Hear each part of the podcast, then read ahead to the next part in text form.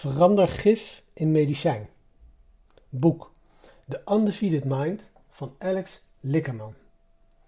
Voortbedurend op ons thema, laten we een onverwoestbare zelf maken, is er nog een andere manier waarop Alex Lickerman ons aanmoedigt om erover na te denken in zijn geweldige boek The Undefeated Mind.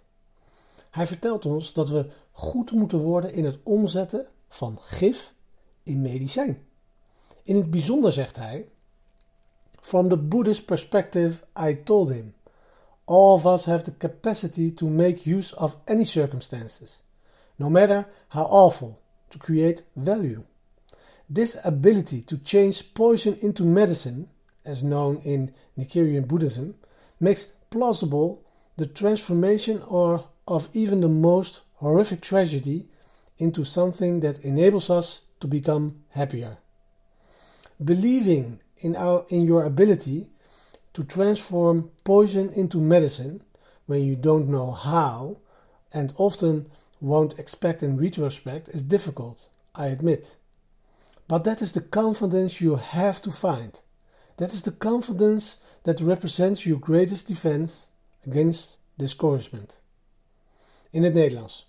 Vanuit het boeddhistisch perspectief vertelde ik hem hebben we allemaal het vermogen om gebruik te maken van elke omstandigheid, hoe vreselijk ook, om waarde te creëren.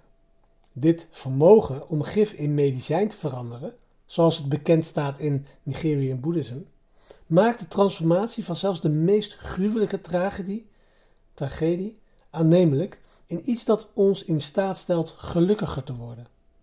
Geloven in je vermogen om gif om te zetten in medicijn, als je niet weet hoe en vaak niet verwacht, behalve achteraf, is moeilijk. Dat geef ik toe. Maar dat is het vertrouwen dat je moet vinden. Dat is het vertrouwen dat je grootste verdediging tegen ontmoediging vertegenwoordigt. Het is duidelijk dat niemand een kankerdiagnose wil krijgen. Dat is het ultieme gif van onze moderne leven.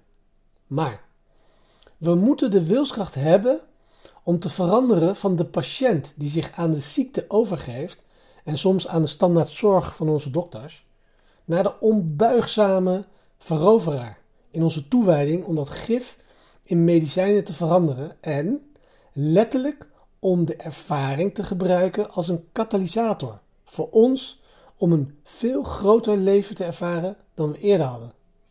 Vergif veranderen in medicijn, dus, is de microles van vandaag. Heb je tegenwoordig een vergif in je leven? Misschien is het een medische diagnose of een financiële tegenslag of een worsteling met de kinderen of een combinatie daarvan. Wat het ook is voor jou, laten we stoppen met denken dat we op een of andere manier zonder problemen door het leven zullen reizen. En laten we ook stoppen met denken dat er iets mis is met ons wanneer we de onvermijdelijke verkeersdrempels of muren raken.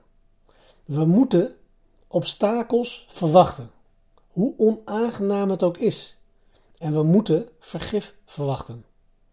En we moeten geloven in ons vermogen om dat gif een medicijn te maken, om van dat gif een medicijn te maken. Door de dingen te nemen waarvan we bang zijn dat ze ons zouden kunnen doden, en door kracht van karakter om te zetten in de dingen die ons sterker maken zoals Nassim Taleb in Antifragile vertelt, wind dooft een kaars en voedt een vuur. Laten we van ons gif een medicijn maken. Laten we ons een vuur bij elk, laten we ons vuur bij elk obstakel aanwakkeren.